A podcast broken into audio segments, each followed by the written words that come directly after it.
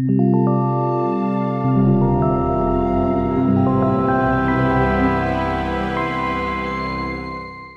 och välkomna till Akademiska smådåd. Det här är en podcast för dig som anser att det är dags att replikera den krisen vi hade med lyssningarna när vi fokuserar på replikationskrisen.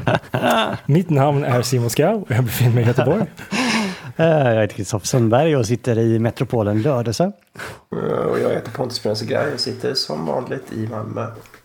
Och nu blir det tyst. Det här är perfekt, här brukar William alltid gå in. Men nu saknar vi William, så får vi försöka överleva det här utan honom.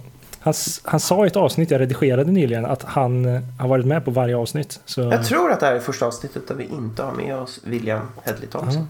Men Får han sitter det i. Göteborg som vanligt.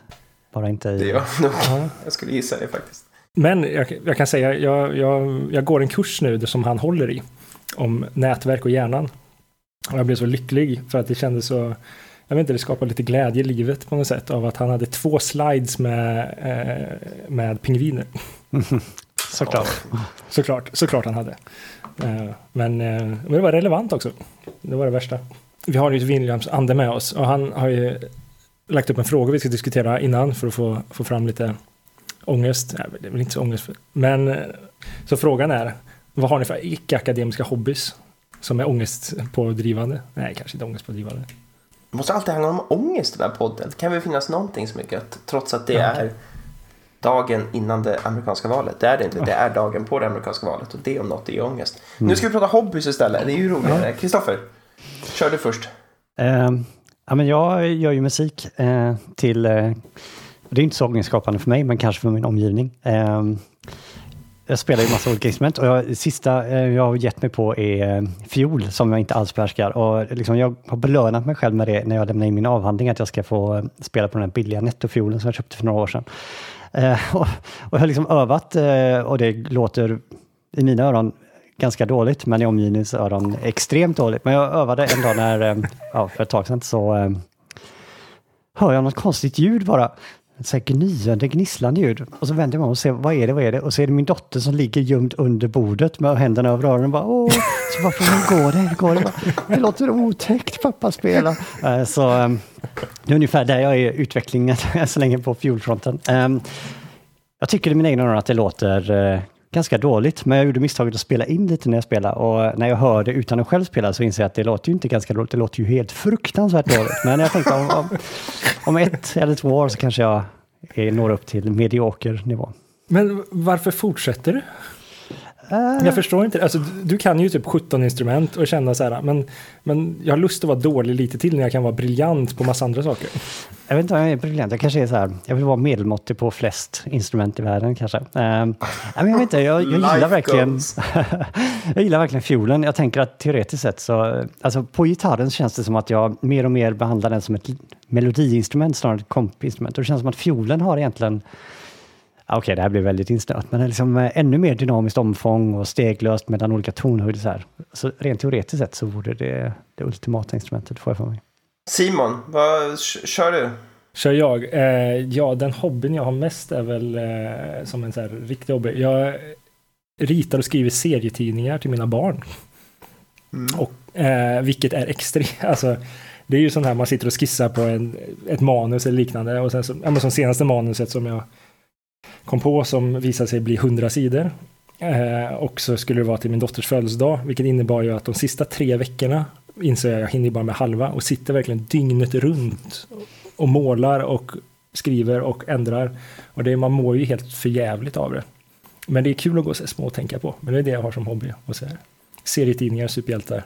Ja, jag vet inte, jag ska säga det här utan att det låter pretto, men efter typ 25 års i skola och akademisk kontext så har jag på senaste tiden liksom bara uppskattat mer och mer att bygga saker med mina händer. Det är nog någonting som jag har liksom upptäckt och jag inser skänker mig extrem tillfredsställelse vad den handlar om. Vad bygger du då? Ja, men bland annat har jag byggt det här skrivbordet jag sitter i just nu i det här konstiga elliptoida rummet. Från Det var- scratch? Eh, ja, vet inte, från scratch, från scratch, men jag har köpt liksom, ja det kan man väl säga. Alltså bara sådana grejer, liksom att bygga ett skrivbord och göra det elliptiskt var en jäkla utmaning som tog några dagar, men det var extremt tillfredsställande och varje gång jag gör någonting så lär jag mig något mer. Mm. Så det är liksom någonting jag tycker, jag skulle jag aldrig trott att jag som hade verkligen tummen mitt i handen bara för 5-10 år sedan skulle ge mig in i det. Men det tycker jag är ganska kul. William är inte här, men uh, vi utgår väl från att hans icke-akademiska hobby är att spana på uh, pingviner. Precis, det är därför han är i Göteborg nu, så han kan vara i... Finns det pingviner i, i, i Slottsskogen? Ja. Det finns pingviner i Slottsskogen. Måste besöka Sveriges näst största stad någon gång. Jaha. Ja, men nu gör vi så här killar, att nu kör vi igång med dagens ämne som är vad då, Simon?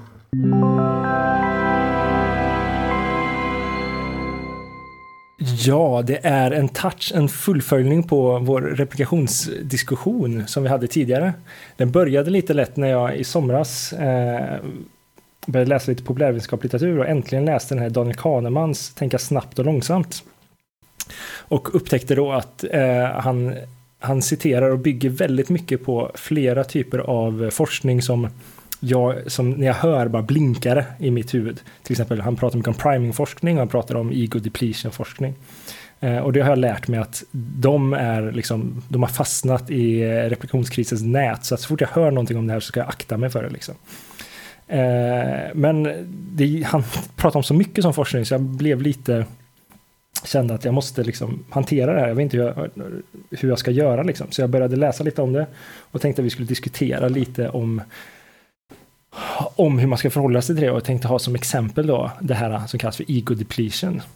Så jag förbereder lite en introduktion kring ego depletion och dess... Ja. Men alltså så bara för att sammanfatta. Hur, så dagens ämne är hur ska man förhålla sig kring forskningsfält som har fastnat i replikationskrisens nät? Alltså som, som vi har anledning att tro inte kanske är så robusta och sanningsenliga som vi kanske trodde de var för 10-20 år sedan. Vad ska Precis. vi göra med den, den forskningen? Vad ska vi göra med den kunskapen? Vad ska vi göra med de artiklarna och de populärvetenskapliga böckerna som ännu lever och frodas? Och de tankarna och idéerna som fortfarande idag kanske finns, inte bara bland vetenskapspersoner utan även i allmänheten. Precis, och hur okay. avgör man när något är dåligt? Liksom? Det är väldigt, väldigt viktigt att se just jag som inte hade läst om ego depletion innan så mycket. Hur ska man förhålla sig till det när man väl kollar på det? Och hur, hur hade jag agerat för tio år sedan jag läste de här studierna? Okej, okay, är ni redo? Håller er? Yes. Är ölen redo? Ölen är redo okay. och vi håller i oss. Gött. I ett vetenskap... Äh, jag kan inte se Pontus samtidigt, det funkar inte. Va? Eh, det funkar Vad är det för fel på Pontus? Story of my life. Precis. Gå och gömma mig vid alla akademiska dragningar på Ingen som vill titta på mig. Okej. Okay. I ett vetenskapligt fält långt, långt bort, i en tid alldeles för nära, fanns det en gång en ung lärling av vetenskapsfältet socialpsykologi vid namn Roy Baumeister. Det är 90-talet, internet har precis kommit, Sverige har tagit brons i fotbolls-VM i, fotbolls och Roy Baumeister vill förstå sig på vilje, hur viljestyrka fungerar.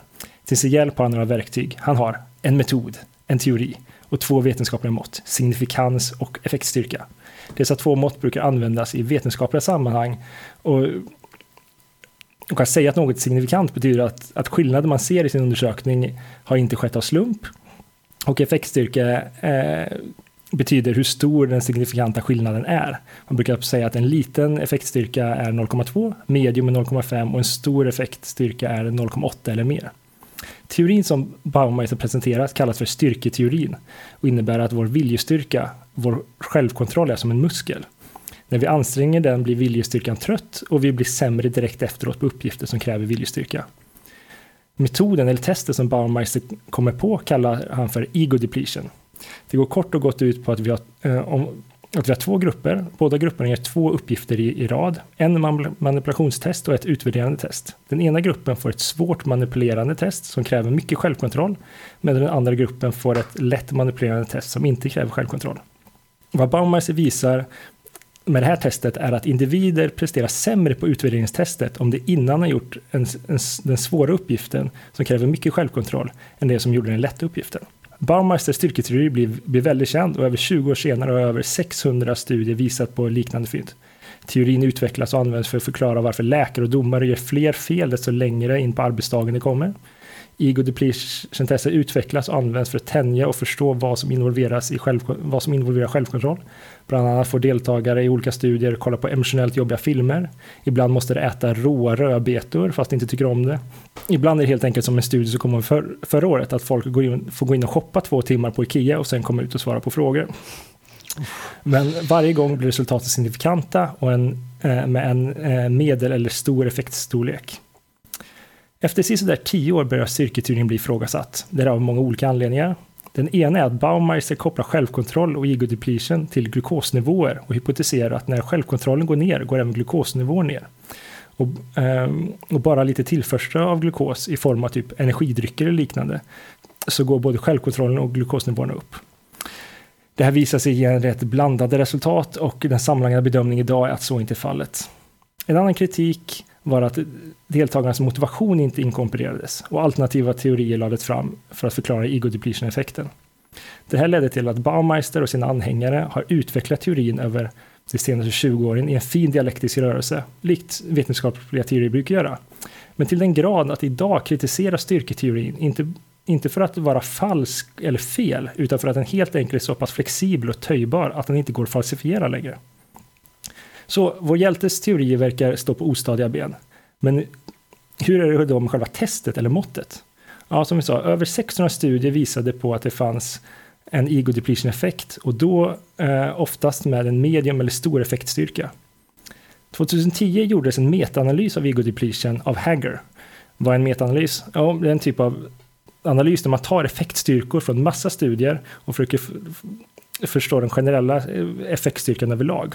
Det här ses som ett av de säkraste sätten att svara på frågor om något är fallet eller inte. Hagger då 2010 analyserar 83 studier som inkluderar ungefär 190, 190 eh, separata tester av ego depletion och visar på att det finns en effektstyrka på 0,63, alltså mellan, eh, från en medium till st stor stark effektstyrka. Vilket är ungefär 50% högre effekt än vad de flesta socialpsykologiska fenomen har, vilket är ju väldigt kul då för hela det här fältet. Men Hagger får kritik. Den inkluderar, eh, hans, hans studie inkluderar mång, eh, många studier med väldigt få deltagare eh, och hade ingen opublicerad studie med sig. Det ledde till att ett par metaanalyser gjordes av Carter och kollegor med olika typer av korrigeringstekniker år 2015. Dessa studier fick stor uppståndelse för det visade att ego depletion var, eh, var inte signifikant och innebär helt enkelt att man hade effektstyrka på noll. Och många av de 600 plus studierna som gjordes tidigare hade någon form av bias. Så ett problem här verkar vara att antingen finns inte ego depletion eller så är det mycket mindre än vad vi tror och för att kunna hantera det här så måste vi ha mycket större, många fler deltagare i varje studie. Okej, okay, det är mycket nu, men mer blir det faktiskt. För det som sker nu är att en multilab-studie görs. Det är 23 labb med över 2000 deltagare.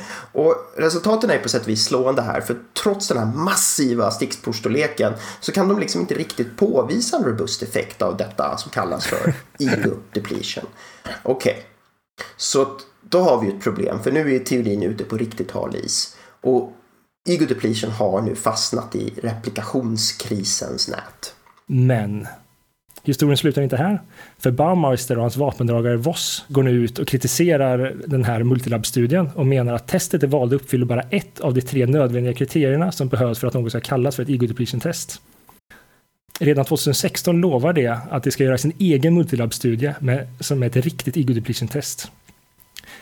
Samtidigt har en annan forskare, Dang, Eh, som jobbar både i Uppsala och Lund och gör en ny analys av Haggers resultat eh, av Haggers multilab-studie.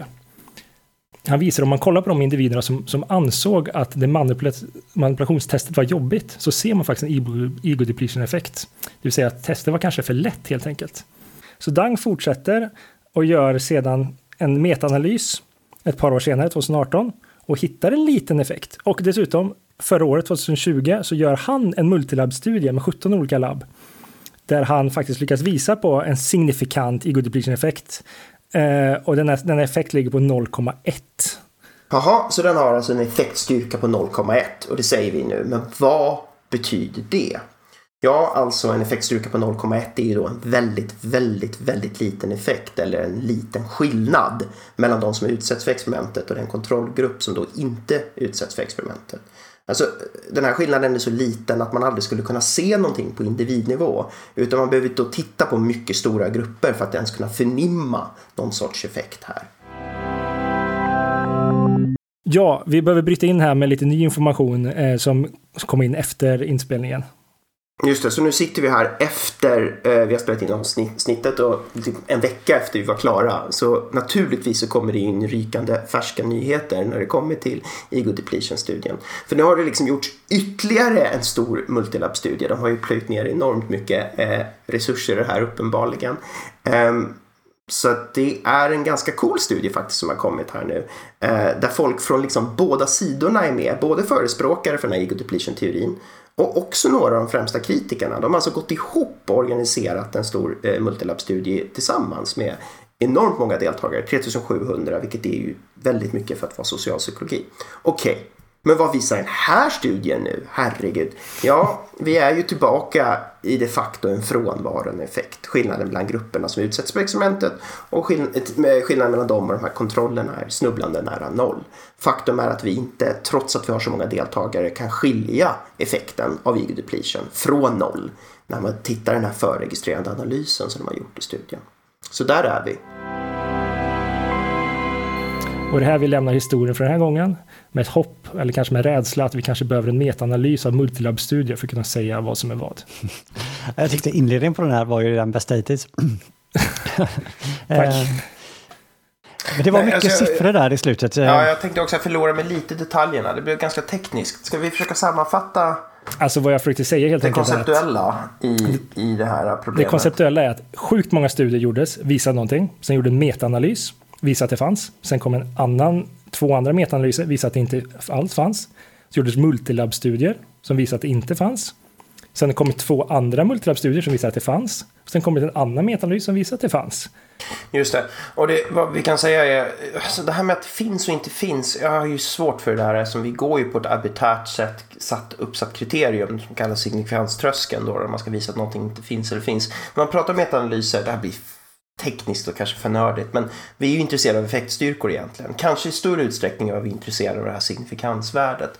Eh, och en sak som är säker i det här fältet, i det här narrativet, mm. det är att den här effektstyrkan har gått från att vara väldigt, väldigt stor till mm. att vara i princip negligerbar. Och när man kommer ner till en effektstyrka som är jäkligt nära noll, alltså en effektstyrka är så här, så här hur stor skillnad är det mellan de här två grupperna? En grupp utsätts för, eh, liksom för experimentet och den andra är någon slags kontrollgrupp. Och är, är skillnaden mellan grupperna, i vilket utfall vi nu använder, vilken studie, vilket fält det än handlar om, om det så är biokemi eller socialpsykologi, om det är så himla nära noll, alltså, är det inte skitsamma om det är signifikant eller inte? Mm. För vilken praktisk, vilken klinisk, vilken vardaglig relevans har den här effekten, det här fenomenet, den här forskningen i så fall. Det är så jag försöker tänka på det. Och, det beror ju på vilket fält det är. absolut, och vilken fråga det är. Det kan ju handla Precis. om till exempel folkhälsa och diabetes. Och då kan ju en väldigt liten, liten, liten effektstyrka, men som fortfarande är skild från noll, mm. kan ju översättas i många liv, spa, liksom, många liv räddade över tid och så. Men när det kommer till de här socialpsykologiska effekterna så brukar jag tänka så att hur fasikens intressant är det egentligen när, när, en stud, när det börjar med så starka fina effekter och sen över 20 års forskning så slutar vi på en siffra som är noll eller så nära Precis. noll att, vi, att jag vet inte riktigt. Då, då är så, vad, vad håller vi på med? Varför diskuterar vi det här överhuvudtaget? Vilket är det intressantare, jag, vilket är det intressantare här med Voss. De, de, de, för när jag, när jag läste om det här så ser jag deras kritikartikel 2016 och de bara här med säger vi att vi utlyst en multilab-studie. Voss är då alltså en vapendragare till Baumaster som, har, som är den som har liksom kom, på sätt och vis kommit på hela teorin. Så att han, hen, eh, hen har ju incitament att, eller liksom, Precis. Eh, det finns ju någon slags tanke här om att det finns två olika läger antar jag. Jag tänker bara, det är fyra år sedan det utlovades, varför inte funnits resultaten? Så hittar jag folk i artiklar från i år som var på konferensen 2018 och rapporterar om vad som presenterades där. Men hennes, hennes studie har liksom inte publicerats än. Uh, och den, de resultaten var ju 0,04 liksom. Ja, det är så svårt när resultaten inte publiceras. Nej, precis, ligger uppe på preprint. Det behöver inte betyda att Vosse och medförfattare har gjort något fel. Det kan ju ha fastnat nej, nej, nej. i publikationströskeln. Att de, att de har svårt att få ut resultaten av olika anledningar. Och så vidare. Så det vet ju inte vi någonting om. Men jag tycker det är så... Men det är en spännande dramaturgi tycker jag. Det är en spännande dramaturgi. Jag tror den återkommer också när det kommer till så himla mycket annan forskning. Speciellt så här läkemedelsforskning mm. där man, de initiala studier visar på väldigt starka effekter. Och när man forskar på det ganska många år så försvinner effekterna. Och då är det så här, blir läkemedlet mindre effektivt? Utvecklar det sig någon slags resistens i, resistans i befolkningen? Nja, snarare handlar det liksom om den här publikationsbiasen och att folk ivrar och hoppar på ett uh, bandwagon. De hoppar på ett tåg i början och vill gärna liksom utforska ett fält. Och så kanske man inte är så skeptisk och kritisk som man ska vara. Och sen så när man ser man efter ett tag att den här eh, effekterna eh, dämpas över tid. Eh, när, när mer kritiska, skeptiska och forskare kommer och gör större studier, mer robusta studier, större stickprov och så vidare. Jag försöker bara hänga med här nu i um, um, dialektiken. För jag antar så här då att vi har Baumgarten, eller vad han hette, Baumeister, förlåt. Um, han har liksom ett, ett, förslag på någonting, liksom att uh, utmattning eller så här, uh, ego depletion, liksom en teori. Som, ja. som, så här, och vem som helst får ju lägga fram intressanta teorier, det är ju jättebra. Uh, men sen är frågan då, ska vi tro på den här? Uh, han lägger liksom fram att så här fungerar hjärnan. Jag vet inte. Uh, eller vilken nivå vi rör oss på. medvetandet kanske han inte. Han pratar om viljestyrka eller självkontroll. Liksom. Eller, eller, eller fenomenet att om, om du gör någonting som är ansträngande så gör du något sämre sen. Mm. Okay. Det är det han försöker göra. Kolla liksom. Men så här fungerar psykologin hos mm. människor. Det är det han säger. Och Pontus vänder sig emot det här med finns eller inte. Men jag antar att, det, att ett sätt att förstå det påståendet är att så här fungerar människor eller varelser. Mm. Det är liksom ett påstående, liksom, att så här är världen uppbyggd. Och då behöver vi ett sätt att kolla om det är så eller inte. Och så har han designat lite test och från början så verkar det som att aha, liksom det här verk, det faktiskt verkar vara så här. Eh, och sen så med tiden så, så blir det de här, eh, det blir grumligare och grumligare. Och så finns det som Pontus sa, eh, här, att det är liksom några liksom halkar precis på rätt sida och några halkar på fel sida av en gräns som vi har satt upp helt eh, själva. Eh, men jag antar att vissa, alltså jag menar, Eh, jag bara tänkt på det här, finns och inte. Jag tänker som astronomiska fenomen som svarta hål. Jag antar att de finns eller så finns de inte. Men de kanske är väldigt svåra att eh, studera. Så all vår data är extremt brusig. Så av någon anledning så börjar det med att ge väldigt klara, tydliga utfall att ja, men det finns svarta hål. Och alla hoppar på det här, ja det är klart det finns svarta hål. Och sen efter ett tag så börjar det så här, ja, men, kanske finns de, kanske inte. Det börjar bli väldigt, väldigt, de här värdena åker ner, signifikans. Och på ett sätt så är ju fortfarande verkligheten binär. Antingen finns de eller så finns de inte. Men det som går ner är väl våran berätt, vårt berättigande till att tro på teorierna är det som bör korrigeras i ljuset av eh, empirin. Ja, okej, okay, jag köper det du säger Kristoffer, men jag tycker det är så svårt när vi pratar om socialpsykologiska psykologiska fenomen. Ja. Eller neurovetenskapliga fenomen, därför att det är inte så enkelt. Alltså, det är ju lite, alltså att du tar upp astronomi som ett exempel är ju så, det är ju liksom Det är ju det som är den hårdaste av hårdaste vetenskaper i historien. Men när det kommer till psykologi, då måste man tänka så här, ja men vi ställer frågan, finns någonting eller finns det inte? Den första frågan vi måste ställa oss är, liksom, och även om vi, vi har ett experiment och vi får ett så här supersignifikant resultat, påvisar det verkligen liksom, bevisar det verkligen att teorin stämmer? Alltså kan vi mappa vår statistiska kriterium mot experiment som är ganska praktiskt. Folk sitter framför en dator eller gör någon. Kan vi verkligen mappa det till att säga, ja men det bevisar närvaron och sanningen i en teori. För det kan ju finnas ganska många teorier som kan förklara de här resultaten mm. i psykologi. Det är ganska svårt att designa experiment som är helt liksom insmalnade och då är vi tillbaks mm.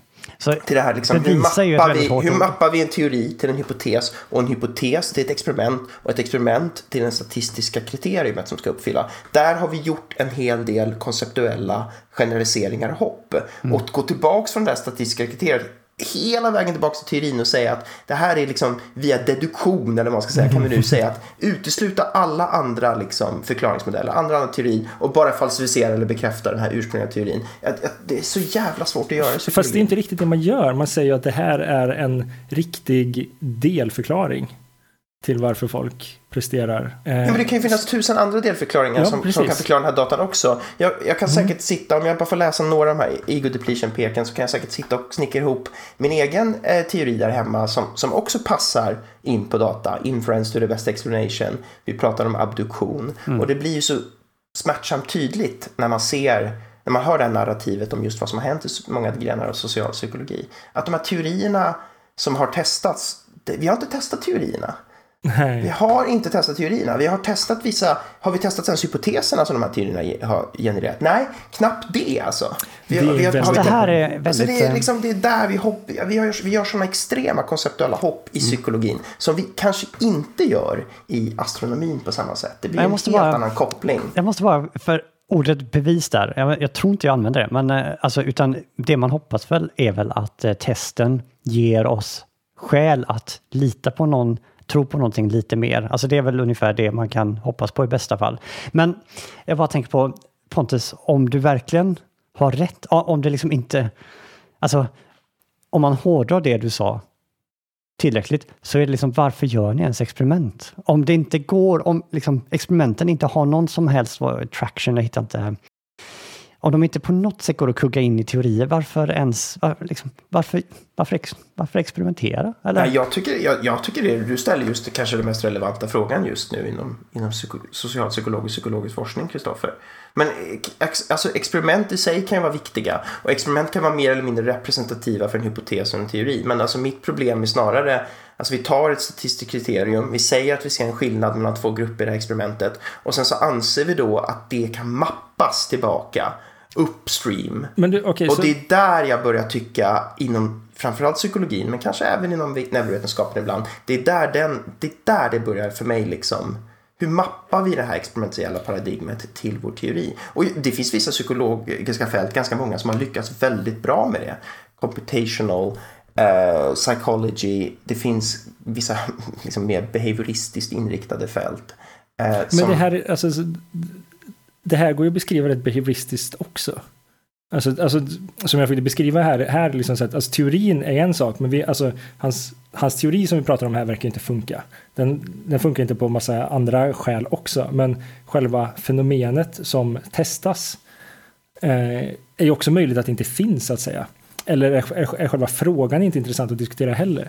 Alltså, Nej, vänta, men jag, jag kan inte exakt. Jag måste kanske bli, snarare bli påmind om det. Ego depletion. Det handlar väl om att det finns någon slags kvantitet i folks psyken. Någon slags spänning, någon slags fjäder som spänns upp.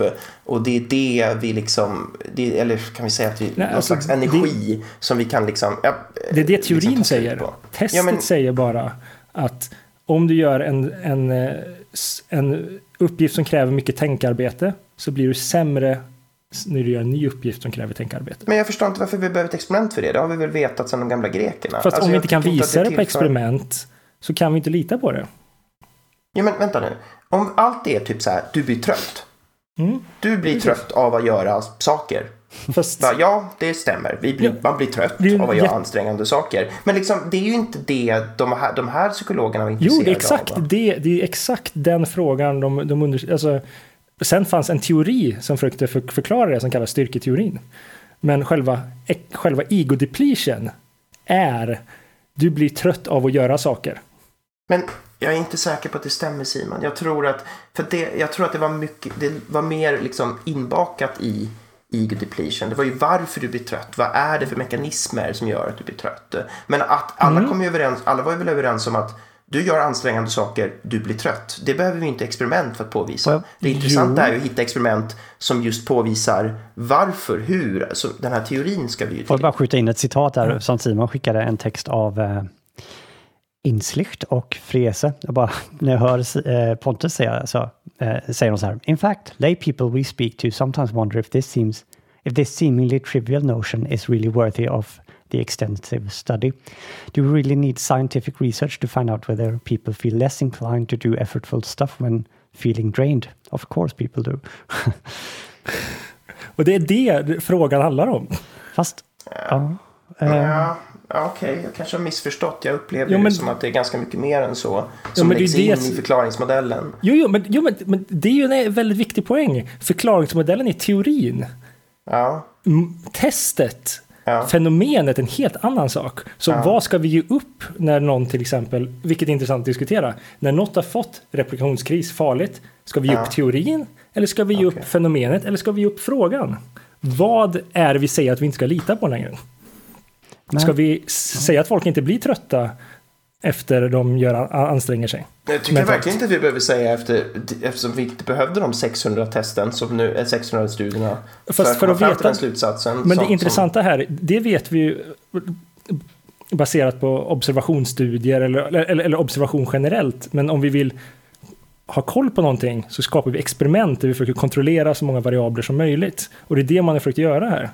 Ja. Alltså här ser jag verkligen Pontus, jag kanske missförstår, men den här eh, Eh, ska säga, avgrunden mellan experimentet och teorin. Alltså, och nu kanske jag förenklar och, och missförstår, men om, om experimentet är så här, blir folk sämre när de, eller blir folk trötta av att anstränga sig och blir de då sämre? Det är tester vi testar, ja eller nej, ja det mm. blev de. Och sen i teorin mm. det ska förklara är att ja men det finns en, eh, liksom hela det här teoretiska paketet om att det finns som en muskel som eh, mm. vi har en finit eh, mängd av och liksom, som kan övas upp. Alltså, det låter som att testet är så långt ifrån den sofistikerade teorin. Fast, alltså, fast det intressanta här är ju att alltså, Baumeister och Styrket har ju fått liksom eh, väldigt, eh, hörts väldigt mycket, men det finns ju andra teorier som förklarar, som inte har med, som med muskler eller styrka att göra, som, som förklarar mm. det här fenomenet. Alltså mm. att varför man i vissa tillfällen när man anstränger sig mentalt blir trött och sämre på andra uppgifter. Så det finns ju andra teorier. Det här är inte den enda teorin. Och det här, eh, och det här tycker jag är en väldigt intressant grej. Så när vi säger att vi inte ska lita på någonting längre om det här.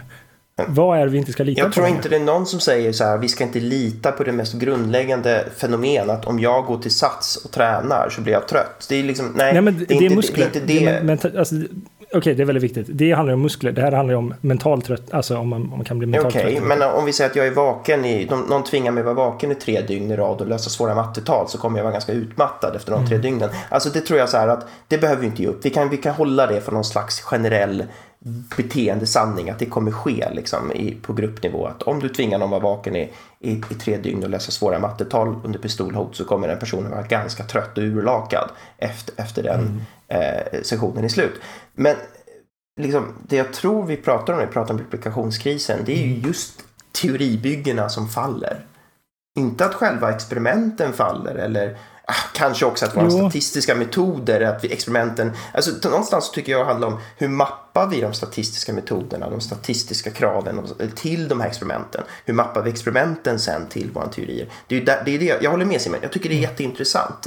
Men generellt så och kanske att replikationskrisen på sätt och vis har påvisat fel i alla nivåer faktiskt. Det är det den har gjort någonstans. Och, och eftersom teorin är det bräckligaste, det är det, allt mm. måste vara på plats för att teorin ska kunna hålla. Så räcker det med att du påvisar lite fel på den statistiska metoden, men folk gör fel med statistiken, då faller ju liksom allt. Det spelar ingen roll hur bra experiment du har, det spelar ingen bra hur bra hypoteser du har. Mm. Då, då faller allt uppåt liksom. Så det som kanske faller tyngst är väl teorierna då. då. Det är också mm. det som jag tror når ut till allmänheten. Allmänheten bryr sig när du skriver och läser en populärpsykologisk bok så bryr man sig inte supermycket att förklara alla statistiska detaljer eller ens experimenten utan det är ju de stora koncepten, de stora idéerna vi vill introducera och leka med och, och liksom förundras över. Ah, det är så vi fungerar, det är så, det är därför jag är på det viset. Det är därför den personen har den personligheten eller beter sig så. Och det är oftast det då teoribygget.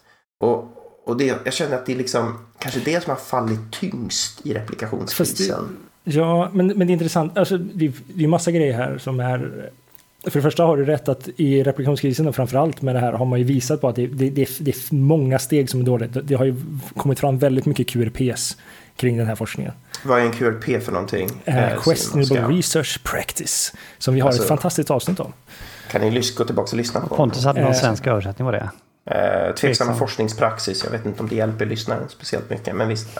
Nej, men att, att man, eh, att man eh, i hopp om att man vet att sitt resultat finns i datan så gör man på olika sätt. Man tar bort vissa datapunkter eller man masserar datan på olika sätt.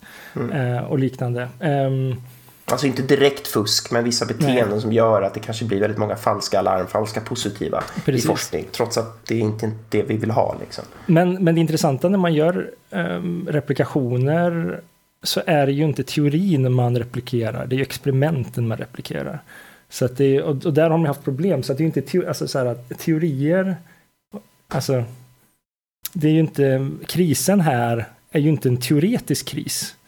Det är ju en kan vi lita på datan eller är, frågan vettig överhuvudtaget kris egentligen? För är det inte det reproduktionskris borde handla om? Jo, men om vi inte kan lita på datan och inte kan lita på metoder då kan vi naturligtvis lita på teorierna heller. Och det är min enda poäng var att jag tror att det är teorierna som är intressanta för många forskare och det är teorierna som är intressanta framförallt för allmänheten och de som är precis utanför forskningsfältet. Så det, är, mm. det är mer, alltså även om felet ligger på statistiknivå när man ska säga så, så it trickles down eller trickles up i det här fallet kanske.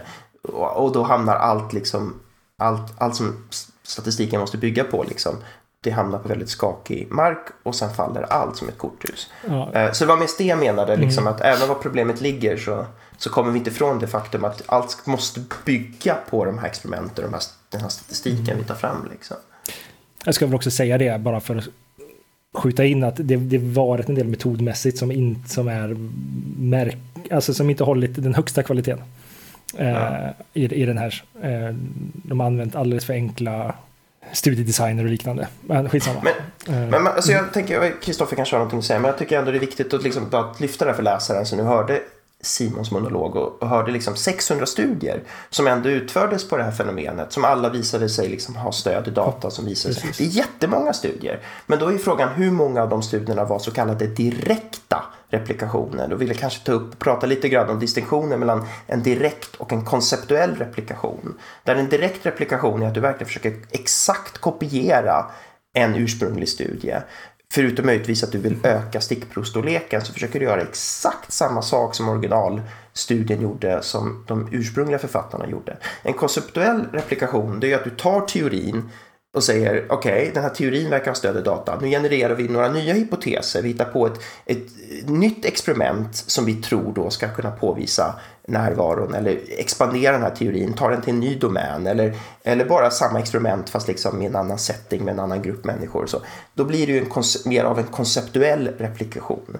Och jag tror att väldigt många det... av de här 600 studierna är så kallade konceptuella replikationer. Väldigt, väldigt där forskarna vill bryta ny mark och så jäkla tråkigt om du inte kan bryta ny mark för det visar sig att aj då, det här funkar ju inte. Och så mm. kickar de här tveksamma forskningspraxisarna in för du vill verkligen ha den här, det här positiva resultatet som kanske visar sig vara 600 eller kanske inte så många men ganska många eh, majoritet falska positiva, falska alarm istället. Tills någon bestämmer sig för att göra den stora direkta replikationen och då börjar saker och ting krackelera. Jag hade mer av en parentes. Eh, det är, det är tyvärr en parentes som mer hör ihop med eh, samtalet för eh, fem minuter sedan kanske. Men det var det här med eh, kopplingen mellan teori och experiment. Eller ja, det här när Pontus pratade om att eh, det är teorierna som når ut och att eh, om inte datan håller. Men jag bara tänkte, är inte detta återigen tillbaks till den här gamla skillnaden mellan logisk empirism å ena sidan och eh, falsifikationism som Popper å andra sidan? Så att, eh, att gå från datan till en teori, som Pontus påpekade, så finns det alltid jäkla massa teorier som skulle vara kompatibla med samma data. Så vi kan liksom inte gå... Alltså vi kan inte gå från bara liksom, här är empirin, alltså teorin. Men däremot åt mm. andra hållet, vilket är Poppers poäng, är att om en teori kommer med vissa förutsägelser så kan vi försöka falsifiera den. Eh, och Ego depletion såg ju då ut att klara en massa falsifikationsförsök och på något sätt då enligt popperianska paradigmet för att blanda ihop två filosofer som kanske inte var så glada i varandra i samma säng här. Ehm, kan man då tänka sig gått lite stärkt ur de här 600 förmenta mm. falsifieringsförsöken. Men sen så kommer då en ny sorts falsifieringsförsök som gör vissa saker kanske bättre och, och då faktiskt falsifierar. Så, så teorin faller ju om man på ett sätt då är en rättrogen popperian så skulle man kunna säga att teorin faller i och med att de blev eh, falsifierade. Men här lurar en djupare fråga som vi kanske kan komma tillbaka sen. Alltså är det rationellt att förkasta en framgångsrik teori bara för att den råkar misslyckas en gång? Eller hur många gånger måste den misslyckas? Eller hur låga måste de här värdena vara innan vi säger att nej, vi kastar bort detta? Det kanske inte är helt enkelt att säga ja eller nej jag tycker Kristoffer tar upp en jättebra poäng. Det ska nog sägas, jag ska erkänna att jag, jag, är ju väldigt, jag var ju väldigt hård att säga att, att forskarna går från datan till teorin. Men det finns ju en annan röst i den här debatten som säger nej, nej, nej, vi har inte ett så stort problem därför att visst är det så att forskarna börjar med en teori som genererar prediktioner som de försöker falsificera och det går åt andra hållet och därför är det här liksom inte ett lika stort problem. Det är hypodeduktivt resonemang mm. medan jag pratar om någon slags abduktion, liksom bara du tar lite data så abducerar du hej vilt och det är dålig abduktion. Och undrar ni vad abduktion är så kan ni lyssna på ett tidigare avsnitt där vi diskuterar det eh, som vi stöter och blöter. Och det är klart att det finns en debatt. Alltså, jag ställde mig ju väldigt mycket tydligt på, på den här eh, senare sidan. Liksom. Eh, därför jag tror att väldigt många forskare gör på det viset. Och därför har ju det här beskrivits, för att nu säga mot Simon, inte kanske som en replikationskris, men som en teorikris. Teorierna är så dåliga, är så skakiga och har så svårt i socialpsykologi, kanske också i neurovetenskap och andra fält, att generera sunda, bra modiga prediktioner som vi faktiskt kan försöka falsificera eller inte falsificera. Så att eh, det, som Simon var inne på i monologen, det blir lite för bubbligt, det blir för mycket. Teorin kan förklara allt eller mm. inget. Och då blir det så lätt att titta på data och säga ah, det passar. Det passar så fint på min teori. Eller den andra teorin, eller den tredje teorin. Det spelar ingen roll för jag kan skriva populärvetenskapliga böcker på det här och sälja. Ja, det är sant. Det är sant. Jag ville bara få in en parentes mot eh, en, en parentes efter parentesen mot en annan parentes. Eh, nej, men, men det intressanta med alltså just teoridelen kontra datadelen här som vi hade. Alltså jag ska inte fastna så mycket i själva ego dialektiken som har varit här, men det intressanta när man väl skulle vara, nej men nu ska vi göra forskning på riktigt istället, så gör man den här multilab-studien. Och de får ju kritik de gjorde ju jättebra på många sätt, förutom att de missade en teoretisk viktig grej, att de uppfyllde bara ett av tre nödvändiga kriterier för något skulle klassas som en ego depletion effekt. Vilket blir ytterligare ett problem, så när man jag hade ju hört talas om den här studien, eh, den här stora multilab-studien, och att den var jättebra och fick veta att den här har visat nu att ego depletion inte finns. Och det här är svaret på att, det här, eh, att ego depletion, vi ska klassa det här som någonting vi inte ska lita på. Och så får man se att de på det teoretiska planet inte lyckades, men de var svinduktiga på eh, de andra planerna. På operationaliseringen, på designen, på statistiken. Kan du förklara och, det där lite? Vad, alltså nödvändiga kriterier för att någonting ska vara ego depletion?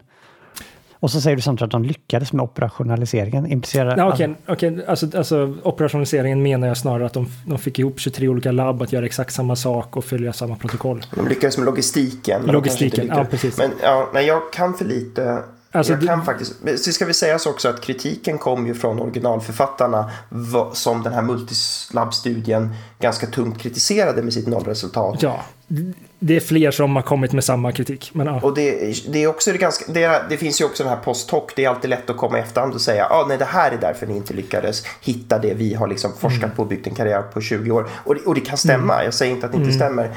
Generellt brukar de här multilab studierna försöka involvera originalförfattarna när de designar sina studier. Det kanske de inte gjorde här. Jo, men det brukar de ju försöka göra. Faktiskt, de, de var in, involverade och de hittade inget test för de eh, i multilab-studien ville göra ett databaserat test.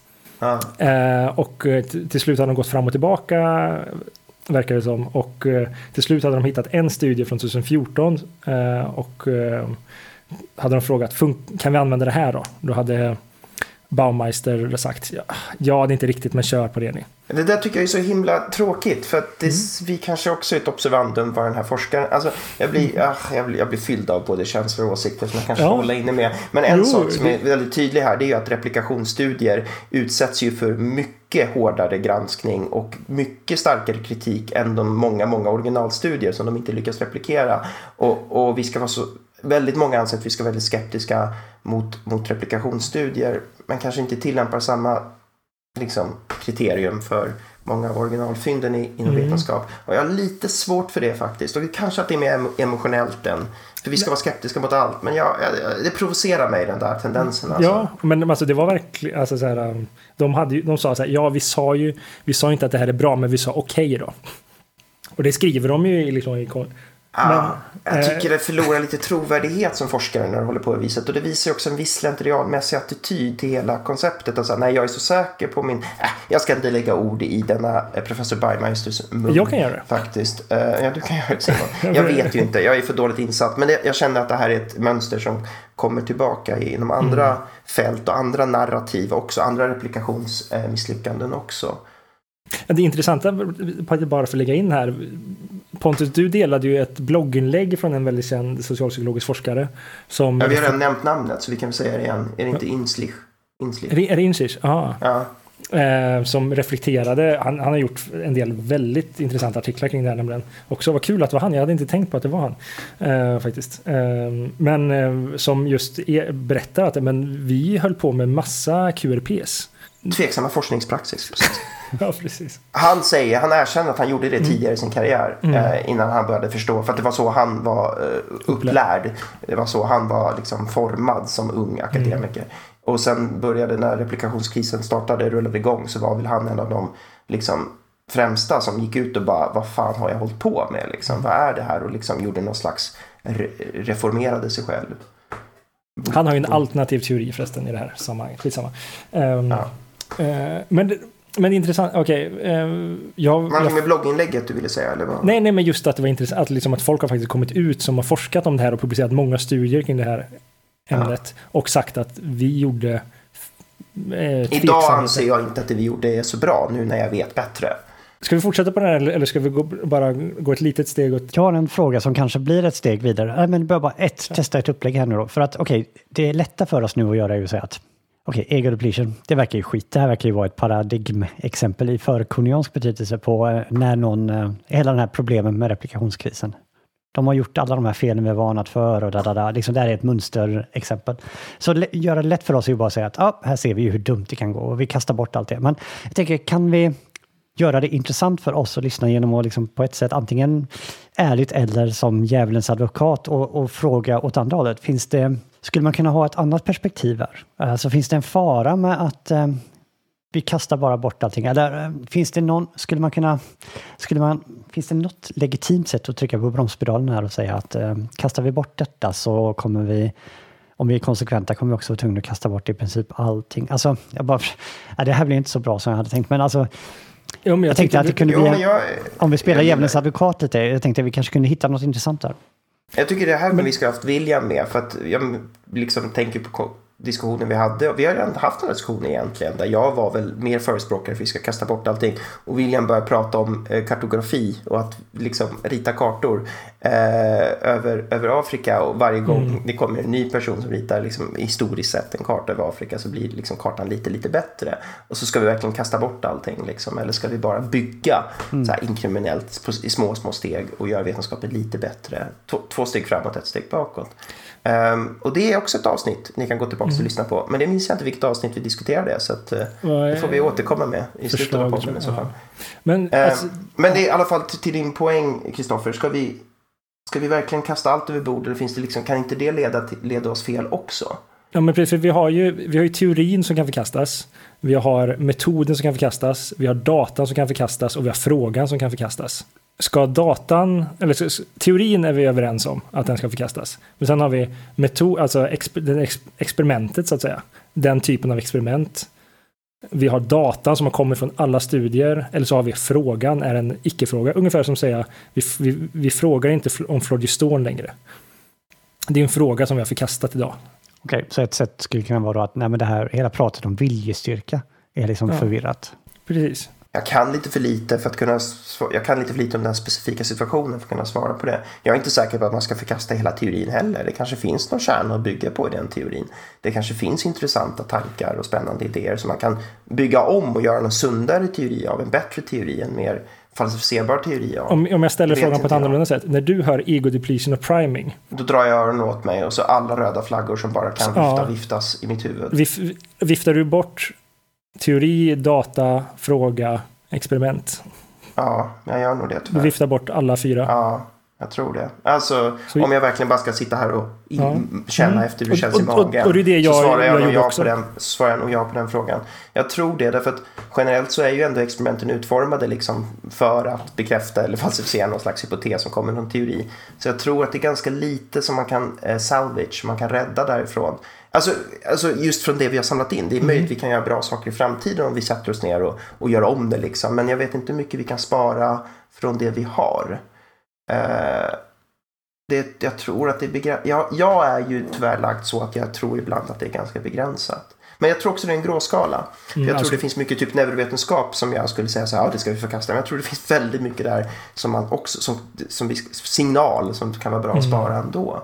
För andra anledningar. Eh, metodutveckling, vi kan göra kanske metaanalyser i framtiden. Man kan använda det som så här eh, gruvdatasätt där vi kan där vi kan liksom fiska så mycket vi bara kan för att generera hypoteser snarare än att, att bekräfta hypoteser. Jag tycker det är en svår fråga, men när det kommer till just de här två sakerna du tog upp, priming ego depletion mm. så är jag nog, liksom, tenderar nog att säga så här att jag skulle, jag drar, jag bara liksom stänger av och blir så här, nej jag tror inte på det här. Vilket är ju, det är olyckligt att det har blivit på det viset också, men det, det är ju så jag agerar. Eh, alltså jag, jag, känner mig väldigt mycket som en outsider eh, och eh, jag har ju hört priming innan och eh, alltså i mer populärpsykologiska eller populärvetenskapliga sammanhang och där har det liksom låtit med väldigt positiv klang, som att det här är coolt och nästan som att det är självklart att det finns. Men eh, jag känner inte till detta. Jag sitter fortfarande och tänker på det här med djävulens advokat. Eh, mm. Jag hittar inte någon riktigt bra infallsvinkel. Jag, jag tror vi tog upp ett experiment eller en historia i ett tidigare avsnitt. Vi upprepar bara gamla avsnitt nu, men det här med eh, Neptunus eller Uranus, jag kommer inte ihåg. Eh, planeten vars bana inte låg rätt enligt Newtons... Eh, ja, det är abduktionsavsnittet också vi pratar om. Ja, just det. Och där skulle man kunna säga så här att om, om man är väldigt snabb på falsifiering skulle man säga att ja, där var Newton falsifierad. Eh, och det hade ju varit ett misstag, vet vi ju nu. Eh, Istället var det någon som hittade på en ad hoc-hypotes om att det var en annan planet där utanför. Det var ju liksom en hypotes bara för att rädda hela det här Newton-paketet. Eh, men tyvärr kanske detta inte riktigt är jämförbart i detta fallet, för att Newton, där hade de gjort så mycket, de hade så robusta experiment på andra ställen. Så eh, och, och, det var ju ett, ett, ett resultat som pekar, liksom, vad ska vi säga, fel. Det var liksom inte avsaknad av signal, utan det var liksom ett fel, liksom ett systematiskt fel här. Och det är lite skillnad mot, som Simon beskrev detta, så var det snarare så att det riskerar att vara väldigt brusigt helt enkelt. Det är inte så att det liksom mm. fanns en spännande anomali här, utan det var liksom eh, Nej. ingenting tyvärr. Så, så jag har svårt faktiskt att jag hade en känsla när jag pratade med Simon för ett tag sedan och läste de här texterna, så kände jag att äh, men här finns en spännande djävuls advokat-infallsvinkel, men nu har jag svårt att återskapa den tyvärr.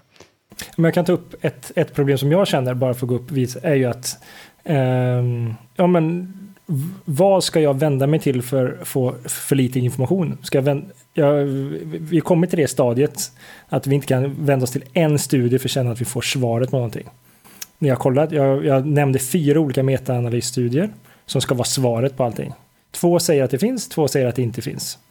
Okej, okay, då, då, funkar, vänta, så kommer, okay, då går vi till multilabstudier som ska ge svaret på det här. Okej, okay, en säger att det inte finns, en säger att det är menings, alltså så här, eh, knappt skilt från noll och en säger att det finns en effekt. Vad ska jag som, alltså det här är ju inte mitt fält, jag orkar inte sätta mig in i alla fält.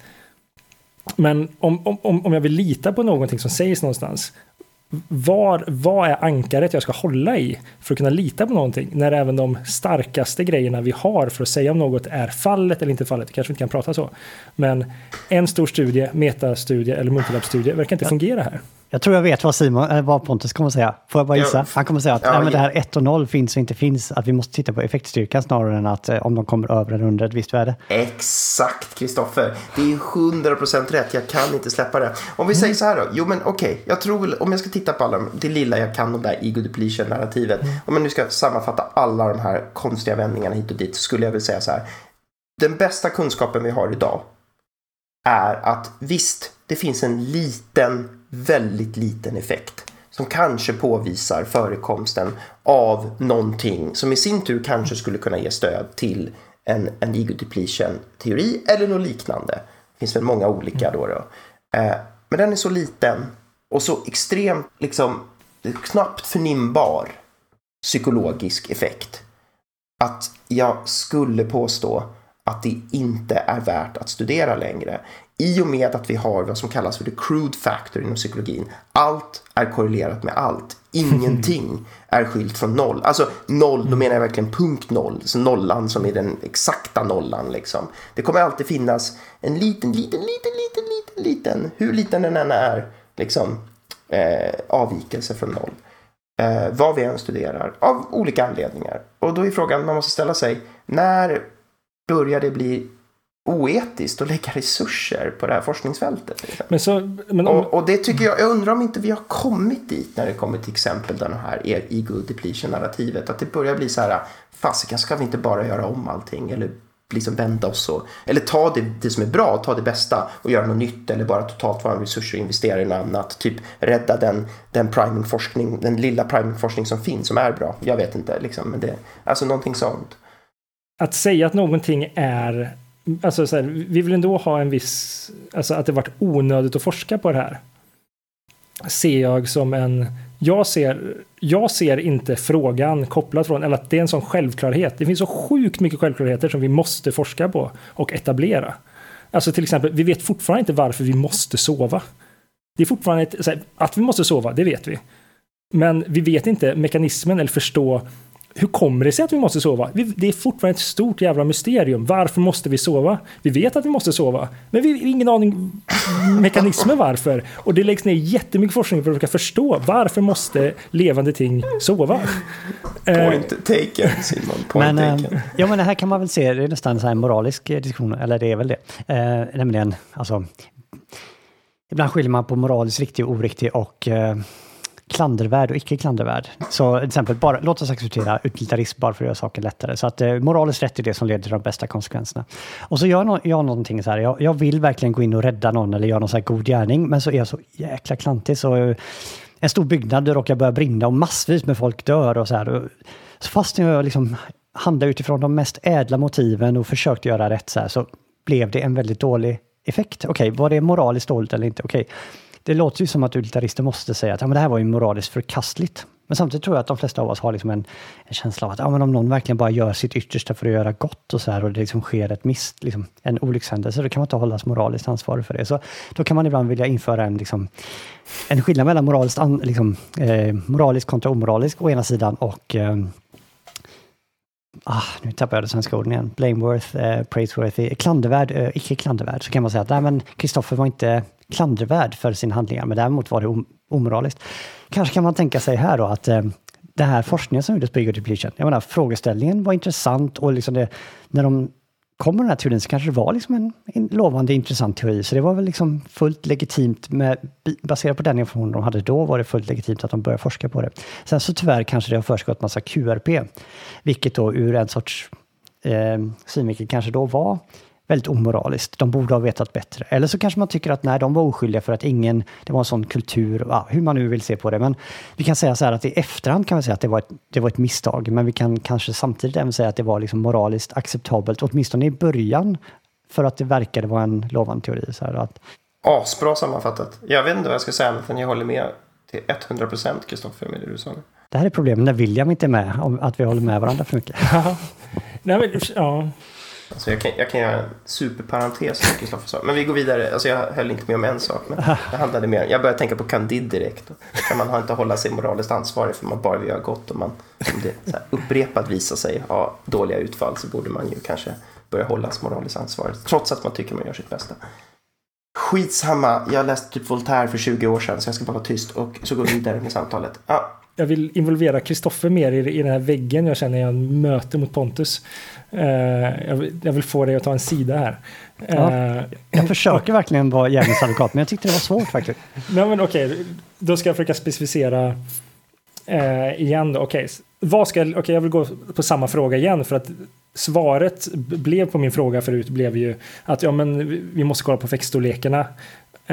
men frågan här är ju att okej, okay, om man faktiskt vill veta någonting om en forskning, om priming eller om, om ego depletion eller att veta om vilket, en, vilket annat ämne som helst, om man vill veta eh, dopaminreceptorer någonstans eller liknande. Vad ska jag vända mig till? Eh, och för att lita på att någonting, är fall, äh, att någonting är fallet. Och när jag säger att någonting är fallet så handlar det om att det har någon typ av påverkan. Vad, ska jag hålla, vad är ankaret vi ska, jag ska hålla mig i i ett fält som jag inte är expert på? Ja, inte statistisk signifikans i alla fall. Nej, alltså det är ju lite kanske om jag har lärt mig någonting av den här podcasten så är det väl kanske så här att tidigare hade jag kanske läst filosofer som eh, citerar massa empirisk forskning och så låter de väldigt självsäkra och så tänker jag oj, okej, okay, det var värst. Uh, Okej, okay, ja, skitsamma. Då, då är det väl så här, priming är någonting då. Okej. Okay. Ofta så är jag intresserad av frågor som inte de här empiriska har så stark koppling till, men, men det är liksom periferi. Och då hade jag kanske sagt så här, eventuellt om jag var extra intresserad, hade jag kollat på några artiklar och så hade de slängt sig med ord som statistiskt signifikant, så här, etta eller nolla. Okej, okay, det var en etta, ja, okej. Okay. Men alltså, just det här Pontus säger har ändå gjort lite intryck på mig att, eh, att om man ska vara ansvarsfull i sitt tänkande, då vill man ju liksom en moraliskt fullvärdig tänkare är någon, antar jag, bland annat som, som matchar hur mycket man tror på saker i ljuset av rationella, rationell evidens. Och ja, men en poäng här är kanske att den här signifikansgränsen, den är ju liksom satt. Någon har sagt att okej, okay, här lägger vi ribban. Över och under, ja, någonstans måste vi sätta gränsen, vi sätter den här. Um, men Pontus poäng var väl att det där är lite väl trubbigt, för när någonting wobblar runt den här lilla ettan, då är liksom en rationell, en ansvarsfull, mogen tänkare då bryr sig inte om så mycket om det är etta eller nolla, när det liksom är så svagt att det kan wobbla Fast, baserat... Okej, okay, okay, om, om, om jag ska vara så pass specifik så jag går tillbaka till vad jag sa, alltså ska jag lita på metaanalysstudien som att det var 0,6? Eller ska jag gå till metaanalysen och säga att det är 0? Eller ska jag gå till meta, eh, multilab-studien som säger 0? Eller ska jag gå till multilab-studien som säger att det är 0,2 i effektstorlek? Inte att det är signifikant eller inte. Vilken ska jag lita på? Mm. Men alltså, jag tror att jag vill ta det till Jag tror att jag förstår vad Kristoffer vill säga. Men jag, mm. jag, känner att det finns ett ännu större fundamentalt problem som jag tror jag försökte prata om. Jag vet inte hur väl det kom fram. Att skit i om det är supersignifikant eller jätteosignifikant. Alltså om det är jättenära noll eller jättenära ett. En rationellt tänkande, en, en, en god tänkande människa som är liksom moraliskt riktig och ska ta sitt ansvar här måste titta på det statistiska kriteriet och säga hur mappar det här statistiska kriteriet till teorin? Finns det en, en tydlig väg som man kan vandra för att liksom uttala sig om teorins eller hypotesens varande eller icke-varande. Och jag upplever ju oftast mer och mer när jag liksom tänkt mer kring psykologi och läst mer psykologi och mer replikationskris att det finns en disconnect den mappningen, den liksom vägen vi vandrar är för lång och för brokig och för snårig och har för många fallgropar. Så att vi slutar att kunna, vi, vi kan inte längre säga att bara för att statistiska kriterier uppfylldes eller inte uppfyllde så säger det någonting om vår teori, om vår hypotes. Därför avståndet där är för långt. Och vi har låtsats om som att det inte stämmer så länge. Därför vi vill framstå i psykologin som en hårdare vetenskap som testar och falsificerar våra hypoteser och teorier. Men det avståndet är oftast för långt. Och det är den kritiken, det är den skepticismen som jag tror har börjat smyga sig in mer och mer eh, inom psykologisk forskning och är jävligt obekväm för forskarna mm. att, att förhålla sig till. För mycket, väldigt mycket av vårt jobb faller på det. Kristoffer, skulle man kunna säga att eh, Goodmans eh, induktionsproblem är tydligare i eh, psykologisk forskning i den här beskrivningen? Helt det var en koppling vi försökte göra. Ja, ja, att det, och... det är en version av Goodmans kompis. Ja. Att den blir väldigt tydlig här, att det är alla teorier har samma evidens. Ja, men det, är, det finns någon koppling där och jag minns att mm. vi försökte göra den i avsnittet där för att liksom vad är, vilka generaliseringar Alltså datan kan inte ge oss den rätta generaliseringen, utan vi har mm. liksom eh, och så otroligt, eller kanske ett oändligt antal generaliseringar vi skulle kunna basera på datan. Um, jag tänkte på detta också när jag har sagt flera gånger att uh, replikationskrisen är en tilltro en kris av tilltro. Förtroendekris. Mm. Förtroendekris. Förtroendekris. Och det är någonting, Tilltroskris. Någonting, ett avsnitt jag hoppas vi kan ha någon gång är det här med epistemisk auktoritet och um, um, att lita på experter. För, för det är ju någonting, jag tror att um, vi vill hitta någon sorts balans mellan att vara kritiska tänkare som inte bara tar, tar in saker okritiskt, utan vi ska liksom vara kritiska och värdera. Å andra sidan så vill vi inte gå för långt för de här, jag tror att vi är överens om att eh, det finns galna konspirationsteoretiker som bara misstror allting.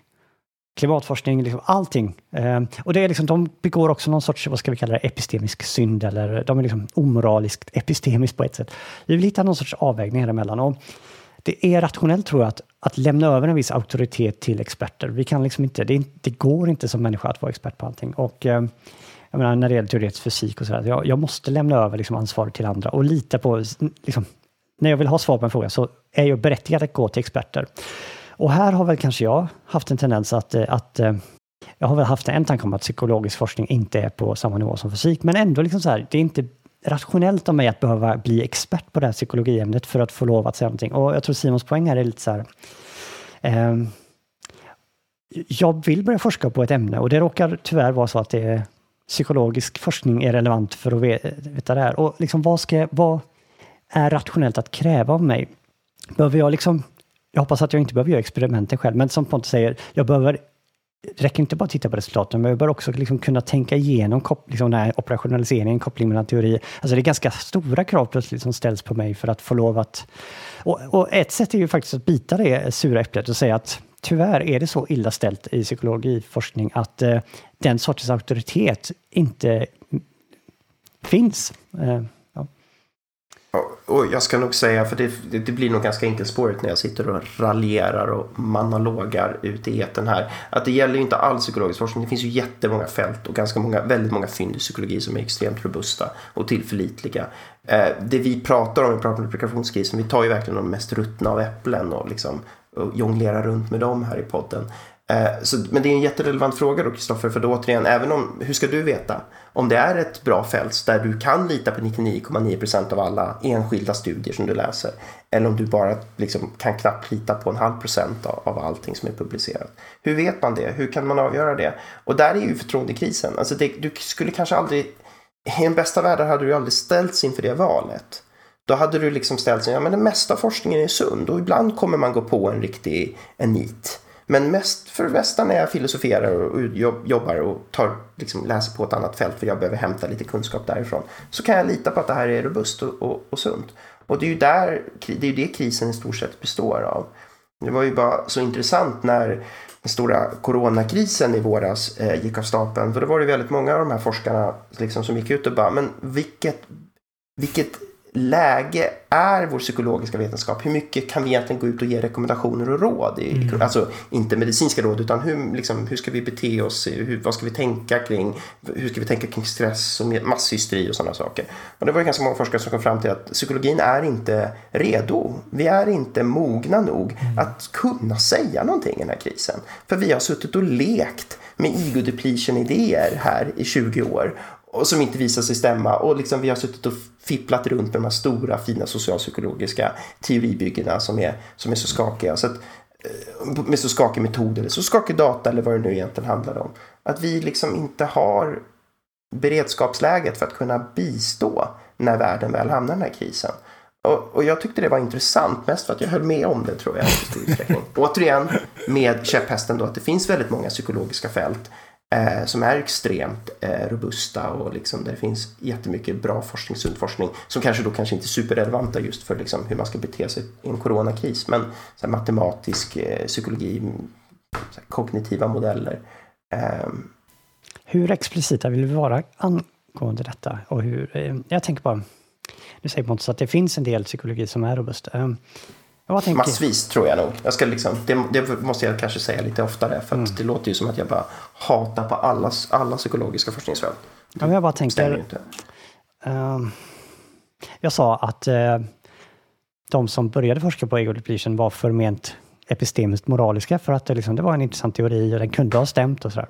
Men uh, en mer radikal eh, åsikt skulle kunna vara så att nej men mycket, alltså givet den här replikationskrisen som kommit så är det liksom inte, det var inte ens rationellt av dem ens från början för att hela det här fältet med, vad ska vi kalla det, socialpsykologi är så skakigt så även om vi liksom inte har lyckats falsifiera varenda utav de här teorierna så har vi liksom falsifierat tillräckligt många utav dem att, att liksom hela vår tilltro till hela, alltså ett stort forskningsfält här som, som nu kanske det inte längre ens är rationellt att fortsätta forska inom. Alltså, och nu vill jag inte peka finger på folk, med, jag har inte koll på exakt vad ni två jobbar med, äh, eller jag har lite koll på vad Simon jobbar med, men liksom, ska man liksom helt sluta, borde man liksom bara helt, eh, alltså det är väldigt radikalt. Ska vi lägga ner det där och gå tillbaka till ritbordet helt och hållet? Nej, det tycker jag inte. Uh, jag tycker att det, det, här är ett sätt som saker och ting, uh, det är en del av den vetenskapliga processen. Att uh, man testar och finslipar saker och ting tills man ser om det finns eller inte finns. Det här finns ju exempel i till exempel stamcellsforskningen var ju på 90-talet. Det kommer lösa allt. Och sen ser man att man har lagt ner jättemycket forskning och visar bara att det är rätt liten effekt i slutändan. Mm. Men, och nu vet man att, att, att effekten är liten, liksom. men det behövdes göras extremt mycket forskning för att komma fram till det. Eh, men låt säga, vi vill backa bandet, ta ett steg tillbaka. Mm. Men hur långt är det här steget? Är steget tillbaka från ego depletion? Eller är det mer, alltså i ljuset av vad vi har funnit, är det mer rationellt att ta tio steg tillbaka? Inte bara ego depletion utan hela liksom, socialpsykologi. Alltså, det finns ju de som säger så här att replikationskrisen är det bästa som kan ha hänt i psykologin. För att det är nu det, är nu det smäller, det är nu det händer. Det är nu vi reformerar vetenskapen, psykologi och gör det till en riktig vetenskap som kommer kunna generera goda teorier, sunda prediktioner och sanning och kommer kunna hjälpa oss i vår nästa coronakris här om 50 år. Alltså, så, så, så att, men, men i det så måste vi gå igenom vissa smärtsamma eh, liksom, upplevelser och insikter. Och en av de smärtsammaste kanske är att väldigt mycket av den forskning vi bedrivit får vi ta tio steg tillbaks ifrån och starta om från början. Det är en grå skala dock. Alltså, det kan, jag, skulle inte, jag skulle aldrig säga att det stämmer och det gäller för all psykologisk forskning som sagt. Eh, jag tror att det gäller för vissa fenomen, vissa teorier, vissa subfält kanske, mer utsträckning än andra. Eh, och jag tror, det, jag tror psykologin börjar få ganska bra koll på vilka subfält, teorier och fenomen det verkligen handlar om. Eh, och vilka som är, står på lite sundare grund och vilket det finns någonting att rädda från. Alltså vad kan vi salvage här? Två intressanta grejer bara för att lägga till här för att avsluta. Det är ju det, det ena, något som jag sett som en negativ grej inom vetenskapen, kan ju också vara dess räddare. Att man inte tittar så långt bakåt att eh, forskare eh, om tio år tittar inte på artiklar som är 20 år gamla. De tittar längst på tio år gamla, vilket gör att vi kan möjlighet att eh, vi, eh, dålig gammal forskning försvinner inom vetenskapen. Det är väldigt bra. Det andra eh, som vi har väl sagt i tidigare, eh, tidigare stu, eh, avsnitt är väl också att jag tror ju att det här kommer bredda ut sig även till andra fält. Kanske inte inom nya fält inom socialpsykologin och psykologin nämner, men jag ser ju väldigt mycket till exempel som liknar de typerna av studierna som jag håller på med, eller de fälten där man ser att det, det här kommer sprida sig mer, replikationskrisen. Det blir sämre innan du blir bättre, tror du, Simon? Ja, jag vet inte. Ja, kanske. Jag är böjd att hålla med om att det kanske är på det viset i mitt fält också till viss del, men svårt och lite dyster utsikt. Det känns som vi slutade väldigt mycket i moll där. Ja. Ja, Verkligen. Nej, men... Ja. ja, vi fick ut lite diskussion över det här i alla fall. Ska vi bara säga hej då eller? Gud vad deppigt. Ska se om vi kan komma på någon lite mer upbeat diskussion vi kan ha på slutet. Jag ska bara tänka på det eh, Simon sa. Vänta, vad var det för någonting? Okej, så vad har vi lärt oss idag? Vi har på ett sätt eh, upprepat eh, flera av de sakerna vi Eh, prata om i replikationskrisen, men vi exemplifierar med ett praktiskt exempel och kanske ännu mer illustrerar hur eh, vanskligt det kan vara, inte minst för de som liksom är involverade. Eh, folks karriär står på spel och vi kan se hur med det stora förstoringsglaset hur liksom någonting går från att verka fantastiskt lovande och, och liksom vara någonting som verkligen ser ut att ha gott stöd, eh, svänga och, och ja, hamna i ganska, att det ser ganska tveksamt ut. Och framförallt så har vi kanske pratat om eh, när det är rationellt att ge upp eh, ett fält och, och, och om det är hur, hur pass enkelt det är att sätta den här stopppunkten att nej, det här var liksom ett misstag, vi, vi struntar i detta. Och, och eh, jag tror vi försökte också visa lite på ett potentiellt problem när man kastar bort ett projekt, att eh, man kanske måste kasta bort mer än vad man insåg. Ja, men det är väldigt bra, för jag tror, bara som avrundning, för jag tror att det finns rätt mycket att rädda här. Efter att ha djupdykt så tror jag att det finns väldigt mycket, alltså att det är mycket mindre än vad man tror, men det finns ändå väldigt mycket att, att rädda tror jag. Gentemot vad jag tyckte innan jag satte mig in i det och trodde bara att det här är replikationskris, lampor lyser. Men att det fortfarande är mycket på äpplet som är ruttet. Och det är väl kanske där vi står då inom psykologi och andra fält. Så här, vad, ska vi, vad, ska vi täl- vilket, vad ska vi tälja bort av detta äpple och vad ska vi kasta på komposten? Det är svårt, vi vet inte riktigt och vi kämpar med det väl fortfarande. Ska allt bort eller ska vi, vad kan vi spara och vad kan vi bygga på egentligen? Åh, Eh, men det här är ju någonting ändå som, vi, som jag tror många forskare sitter med eh, dagligen. Så att det jobbas ju på. Men vi har inga svar. Här, vilken fantastisk liknelse det här blev. För jag känner ju liksom så här, om, om jag får ett ruttet äpple, eller om jag får ett äpple, så kan jag för mig själv kan skära bort den dåliga biten och äta det själv. Men jag skulle ju aldrig ge det till mina barn. Så jag skulle ju aldrig rekommendera någon att läsa om eager depletion. Men jag själv känner att ja, men jag kan rädda några saker av det här. Mm. Ja, ja, jag vet inte fan vad det Snyggt betyder. avslut Simon. Nej, men det, det tycker jag vi, vi tar det. Vi tar de kloka orden om hur Simon utspisar sig själv och sina barn. Och eh, så avslutar vi för idag. Ja, tack. Vad säger ni? Tack och hej. Tack och hej. Tack och hej!